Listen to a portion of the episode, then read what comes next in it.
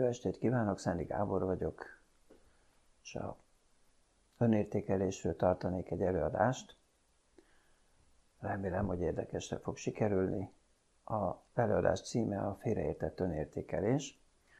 Talán az előadás végére világosá válik majd, hogy miért félreértett a mi kultúránkban, miért félreértett az önértékelés. Tulajdonképpen egy nagy zavar, zűrzavar figyelhető meg az önértékelés körül, a mi kultúránkban a teljesítmény és az egyén, egyéni teljesítmény túlhangsúlyozása rendkívül fontos. És hát én amikor erről, ugye erről egy könyvet írtam, ez a reklám helye, az önértékelés csapdájában a címe a könyvnek egyébként, ami ugye egy kicsit hasonlít ez a félreértett önértékeléshez, hiszen arról szól, hogy hogy mindenki pozitív önértékelést szeretne, és aztán ezért sok mindenre képesek az emberek, de ez nem biztos, hogy sikerülhet, majd az előadás végére talán ez is kiderül, hogy miért nem. Ugye amikor írtam ezt a könyvet, akkor próbáltam én is utána nézni, hogy az önértékelésnek mi is a definíciója. Hát most ezt nem is fogom elmondani, mert kb. hát 50 definícióval találkoztam de végül is mindenki érti, hogy miről van szó. Nagyjából valami olyasmi, hogy magunkban nézünk, és akkor valamilyen skálán meghatározunk, hogy mi szerintünk mennyit érünk. Ugyanez napról napra, vagy akár persze, persze változhat, de mégis nagyjából egy intervallumban szokott mozogni a, az emberek önértékelés, hát aztán van, akinek persze a, a, a negatívból a pozitívba, és oda-vissza megy ez a önértékelés.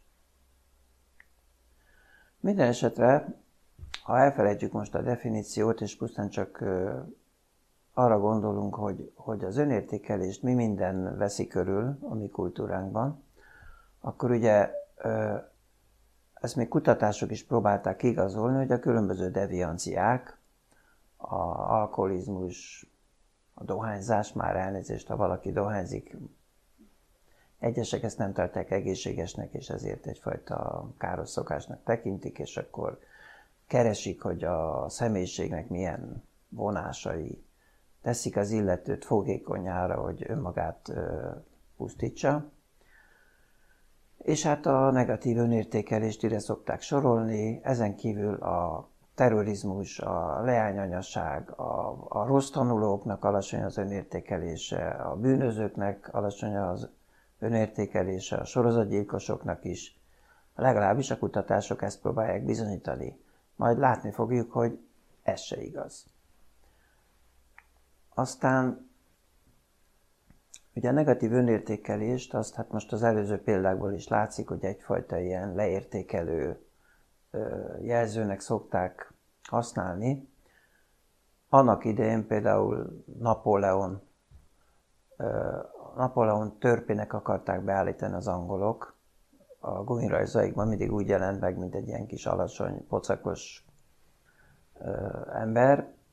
Ma már tudjuk, hogy tulajdonképpen Napóleon átlagos testmagasságú volt. Akkoriban valóban alacsonyabbak voltak az emberek, de hát ezzel együtt Napóleon is aztán Hitlerről konkrétan tanulmányok jelentek meg, amik arról szóltak, hogy az egész Hitler egész élete, tevékenysége azt bizonyítja a szerzők szerint, hogy Hitler egy csökkent önértékelésben szenvedett, és hát mint egy ezt akarta kompenzálni.